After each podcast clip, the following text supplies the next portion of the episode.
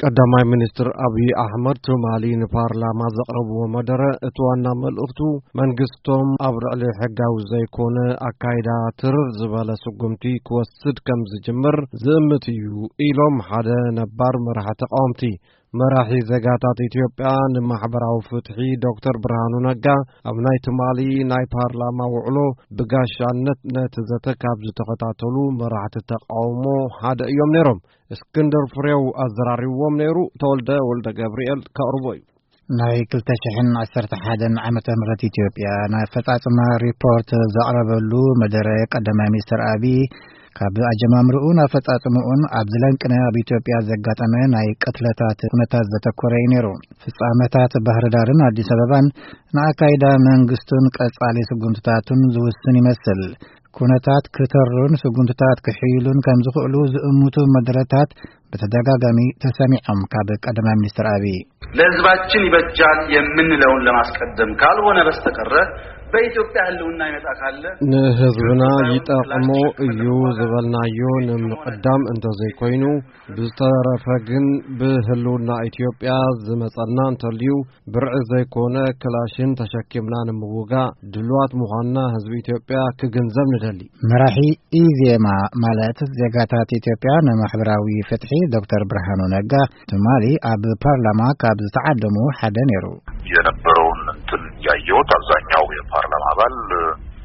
ኣብ ፓርላማ ዝረኣኹዎ መብዛሕትኦም ኣባላት ፓርላማ እቲ ብቀዳማይ ሚኒስትር ዝቐረበን ንሕቶታት ዝተዋህበ መልስን ኣወንታዊ ብዝኾነ መንገዲ ዝረኣይዎ እዩ ዝመስል በቲ ዝነበረ ጣቕዒት ክትልክዖ እንተኾይንካ ብወገነይ ከም ሓደ ውልቀ ሰብ ዝረኣኽዎ ግን ነቲ ለውጢ ኣብ መወዳእታ ንምብጻሕ ዝካየድ ዘለዉ ጻዕርታትን ዘጋጥሞም ዘሎ ዕንቅፋታትን ክዝርዝሩ ፈቲኖም እዮም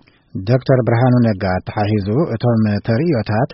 ኣብ ሰላምን ድሕነትን ሃገር ዕንቅፋት ይኾኑ ከም ዘለዉ ንዲሞክራሲያዊ ስርዓት ኣብ ምምስራት ዘድሊ ሰላም እንድሕሪ ዘይሃልዩ መንግስቲ ስጉምቲ ዝወስድ ምዃኑ ዝእምት እዩ ኢሉ የሰጡትን መልስ ስትመለከት እንደ ከዚህ በፊቱ ዝም ብሎ እንደው ህግ የሌለበትና ማንም የፈለገውን የሚያደርግበት ኢመደባዊ በሆነ መልክ የተደራጁ ኃይሎች ዝሃብዎ መልሲ እንተርኢኻ ከም ናይ ቅድሚ ሎሚ ብዘይ ሕጋዊ ምኻድን ዝኾነ ዝድላይ ዝገብረሉ ኣገባብ ዘይሓለወ ኣካይዳ ዝተወደቡ ሓይልታት ከም ዝደለናዮ ክንንቀሳቐስ ንኽእል ኢና ኢሎም ዝኸድሉ ኣካይዳ ድሕሪ ደጊም ተቐባልነት ከም ዘይብሉን መንግስቲ ስጉምቲ ከም ዝወስድን ብኣጽንዖት ዝገለጽሉ እዩ ነይሩ። መንግስቲ ናይ ሓይሊ ስጉምቲ ኣብ ዝወስደሉ እዋን ፖለቲካዊ ባይታ ንምስፋሕ ንዝግበር ጻዕሪ ከይጎድእ ዜጋታት ናጻ ሓሳባቶም ኣብ ምሰጓም ከይድረቱን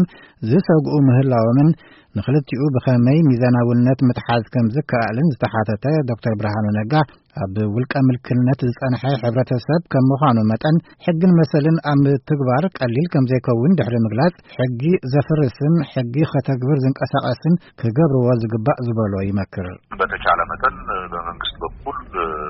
የሕግን ኣግባብ ተከትሎ ብዝተኻእለ መጠን ብወገን መንግስቲ ንኣግባብነት ሕጊ ተኸትሉ ስጉምቲ ክውሰድ እየ ተስፋ ዝገብር። ኻልእ ማሕበረሰብ ድማ ካብዚ ትምህርቲ ወሲዱ ብጉልበትን ብሓይልን ዝግበሩ ነገራት ንኹላትና ጸገም ምዃኑ ፈሊጡ መሰሉ ንምኽባር ዝገብሮ ነገር ካብ ሕጊ ወጻኢ ኸይኮነ